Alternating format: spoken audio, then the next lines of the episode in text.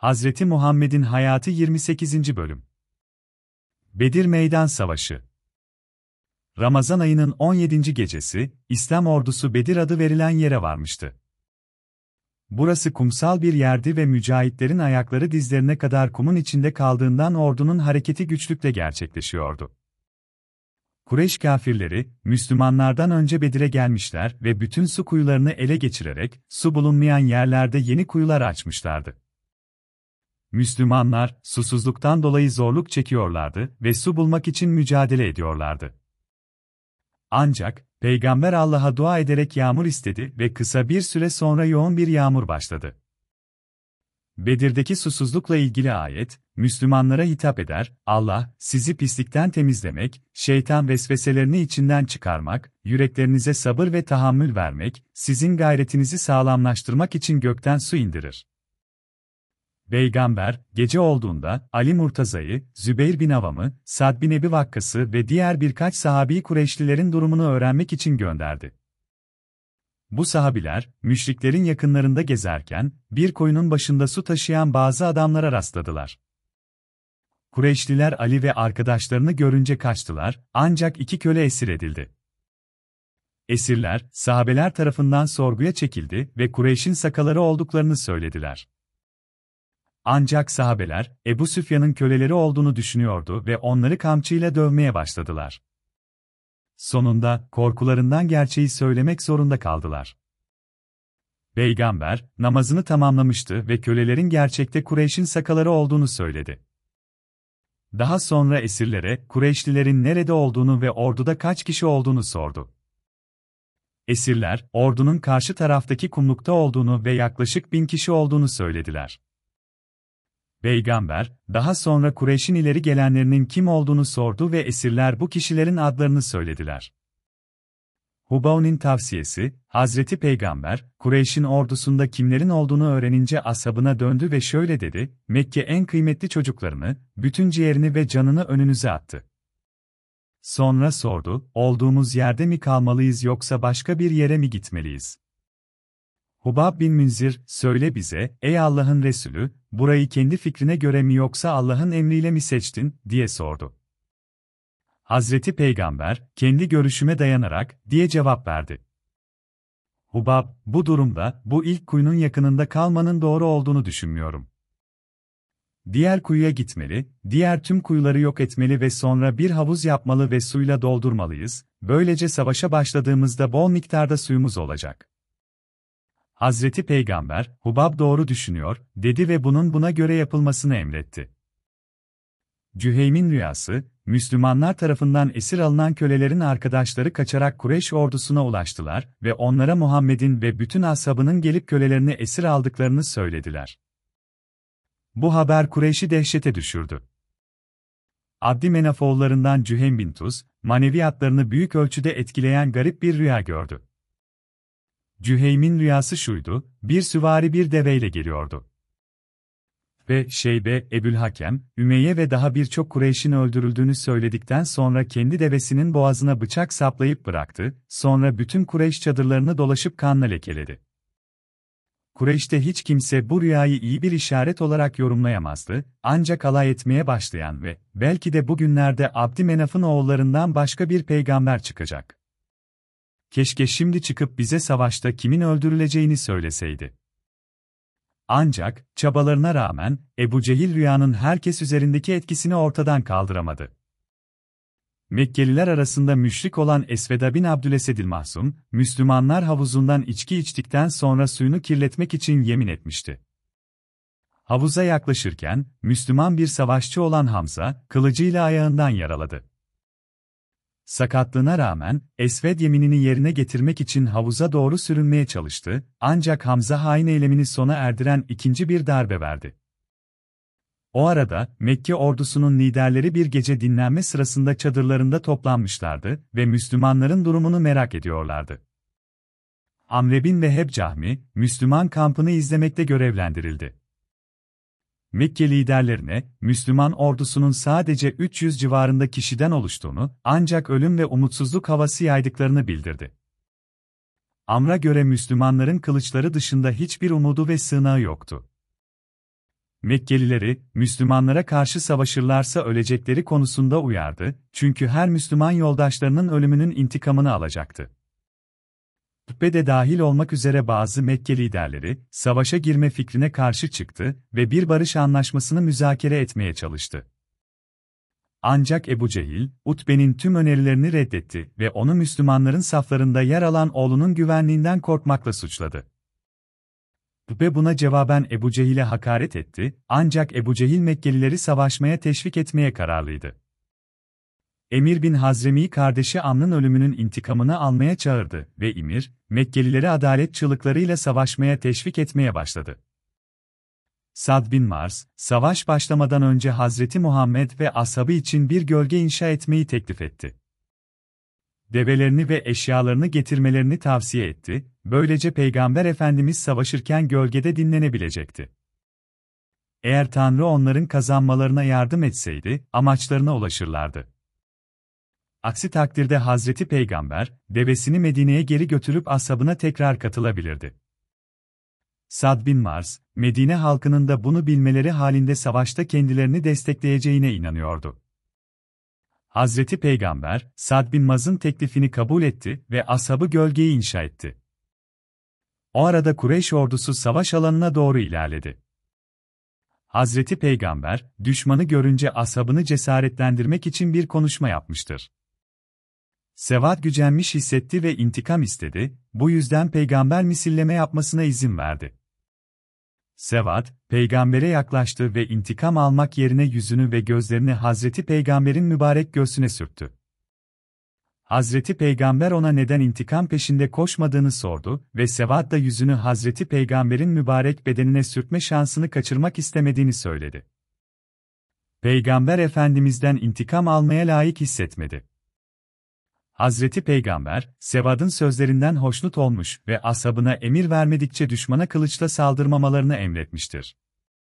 Sadece dikkatli ve hassas bir şekilde ok atabiliyorlardı. Sad bin Marz ve Medineli bazı vatandaşları savaş sırasında Hazreti Peygamber'i korumakla sorumluydu. Kureyş ordusu yavaş yavaş ilerlerken, Hazreti Muhammed'in gölgelikte bulunduğu sırada, şu ayet indi, bu ayet, yakın bir zamanda düşman ordusunun bozguna uğrayacağını ve yüzlerinin üstüne düşeceklerini müjdeler. Peygamber, gölgelikten çıkarak bu müjdeyi Müslüman askerlere iletti. Utbe'nin düşünceleri Müslümanlardan üç kat daha fazla ve askeri olarak daha güçlü olan müşrikler, Müslüman safları karşısında kararsızlık halindeydiler. Bunun nedeni, akrabalığın Araplar arasında çok değerli olması ve Kureyşlilerin Müslümanlar arasında en yakın akrabalarını, babalarını, kardeşlerini ve oğullarını görmüş olmalarıydı. Örneğin, Kureyş'in üç bayrağından birini taşıyan Ebu Aziz'in amir, İslam bayrağını önünde kaldıran kendi kardeşi Musab bin Amir'i bulmuştu.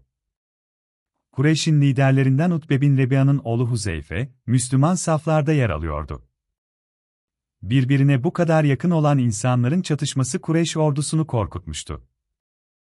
Ve bütün bunları düşündü ve Kureyş'e bağırdı. İyi insanlar! Kim kiminle savaşacak? Herkes kardeşini, amcasının oğlunu ya da kuzeninin oğlunu öldürecek. O zaman kendi halklarıyla nasıl yüzleşecekler? Bu doğru mu? Eğer beni dinlersen, bu sevgiden vazgeç ve git.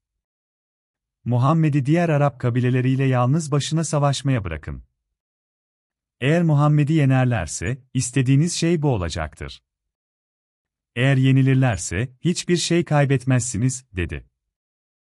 Bu haber Kureyş ordusuna yayıldığında, Ebu Cehil halkı onları savaşa kışkırtmakla meşguldü. Saflarda yürüyor, şeref ve erdeme dokunacak sözler söylüyor, orduyu heyecanlandırmaya çalışıyorlardı. Bir noktada, birisi hayvanını ileri itmiş ve bağırmıştı. Biz birleşik bir topluluğuz. Kimse bizi yenemez. Bugün Müslümanlar kılıçlarımızın gücünü görecekler. Ebu Cehil'in savaşı kazanacağına şüphe yoktu. Çünkü Kureyş ordusu Müslümanlardan çok daha güçlüydü. Kureyş ordusunda binden fazla savaşçı, 900 zırh, 900'den fazla kılıç, 100 at ve 700 deve bulunurken, İslam ordusunun sayısı 300'ü geçmemiş, neredeyse yarı çıplak ve silahsızdı. Ancak Müslüman ordusunun inanç gücü en üst seviyeye ulaşmıştı. Amaçları ya gazi ya da şehit olmaktı. Ebu Cehil bunun farkında değildi. Askerlerin bolluğunun savaşı kazanmak için yeterli olacağını düşünüyordu. Arada bir, yüksek bir yerden şöyle derdi. Müslümanları öldürmeye gerek yok. Ellerini arkalarından bağlayıp adım adım Mekke'ye götüreceğiz. Ebu Cehil bunu yapmaya çalışırken, Utbe'nin savaşı önleme çabalarını öğrendi ve birleşik bir cephe oluşturmaya çalıştı. Bu amaçla Amr'ın batnı Nahle'de ölen kardeşi Amir'i heyecanlandırdı. Amir, ordunun safları arasında koştu, kardeşinin adını bağırdı ve ağladı. Birdenbire heyecanlandı ve bir ok atarak Mehca'yı Müslümanlardan öldürdü. Meca, Müslümanlar arasındaki savaşta yaralanan ve şehit edilen ilk erkekti. Ve, savaşı engellemek için yaptığı çabaların boşa çıktığını gördü. Ebu Cehil'in bilgisizce attığı adımlar ve münafıklık gösterisi nedeniyle savaş kaçınılmaz hale gelmişti.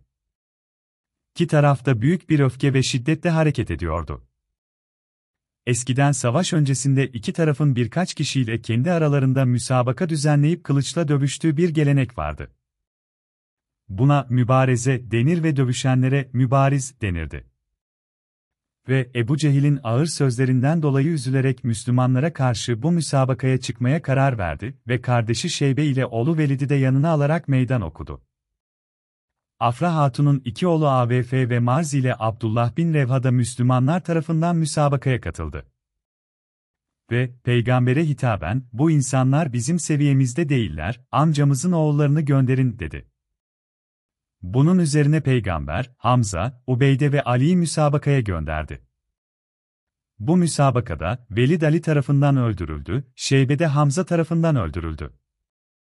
Upe ve Ubeyde arasındaki dövüş ise kararlı bir sonuca ulaşamadı ve Ali ile Hamza, diğer düşmanları yendikten sonra Utbe'ye yardım edip onu öldürdüler. Übeyde ise yaralanarak peygamberin huzuruna çıktı ve ben şehit miyim diye sordu. Peygamber ona evet, sen şehitsin ve makamın cennetür cevabını verdi. Übeyde bu müjdeyle sevindi ve yarasının ağırlığına rağmen Allah yolunda ölmekten hiçbir zaman pişmanlık duymadığını belirten beyitler söyledi. Ancak yaraları ağır olduğu için, üç gün sonra yolda öldü ve Medine'ye getirildi. Kureyş ordusu, Utbe, Şeybe ve henüz genç yaşta olan Velid'in ölümleriyle sarsıldı. Ebu Cehil, Kureyşlilerin moralini düzeltmek için Utbe ve Şeybe'nin hatalarının kurbanı olduklarını ve dikkatli davransalardı böyle olmayacağını söyledi. Ancak sonunda, iki taraf şiddetli ok yağmuruyla birbirine saldırdı. Beni Hazrecli Haris bin Süraka adlı genç, savaşı izleyenlerin arasında bulunurken düşman oklarından biriyle şehit düştü. Bu genç, Ensar'dan ilk şehit olan kişi oldu. Müslümanlara bir ibret dersi veren bu olay, insanın ölümünün nerede ve ne zaman geleceğinin belli olmadığını gösterdi. Rebiya Hatun, oğlunun şehit düştüğünü öğrendiğinde, peygamberin huzuruna çıkarak endişelerini dile getirdi oğlunun cennette olup olmadığını öğrenmek istedi ve eğer cennetteyse acısına dayanabileceğini söyledi. Ancak, eğer cennette değilse, nasıl teselli bulabileceğini bilemediğini ifade etti. Peygamber ise ona şöyle cevap verdi, bir değil, birkaç cennet vardır. Senin oğlun cennetül firdavsa girecektir. Peygamber Hazreti Muhammed, Müslümanlara önemli bir konuşma yaptı düşmanı korkmadan ve şehit olmaktan bahsetti. Bu dünyanın geçici olduğunu ve herkesin ölüme yakın olduğunu hatırlattı. Kutsal hedef uğruna ölenlerin Tanrı'nın rahmetine kavuşacaklarını ve cennete gireceklerini vurguladı. Peygamberin bu konuşması Müslümanlar arasında büyük bir coşku yarattı ve saflar karıştı. Şehit olmak arzusuyla dolu olanlar arasında Amir bin Humam'ı Hacreci de vardı şehitliğin faziletine dair manzumeler okuyarak düşmana saldırdı ve birkaç kişiyi öldürdükten sonra kendisi de şehit oldu. Afra Hatun'un büyük oğlu AVF'de sırtındaki zırhı atarak safların arasına dalıp birkaç müşriki öldürdükten sonra şehadet rütbesine ulaştı. Müslümanlar arasında şehit olmak isteyenlerin sayısı çoktu.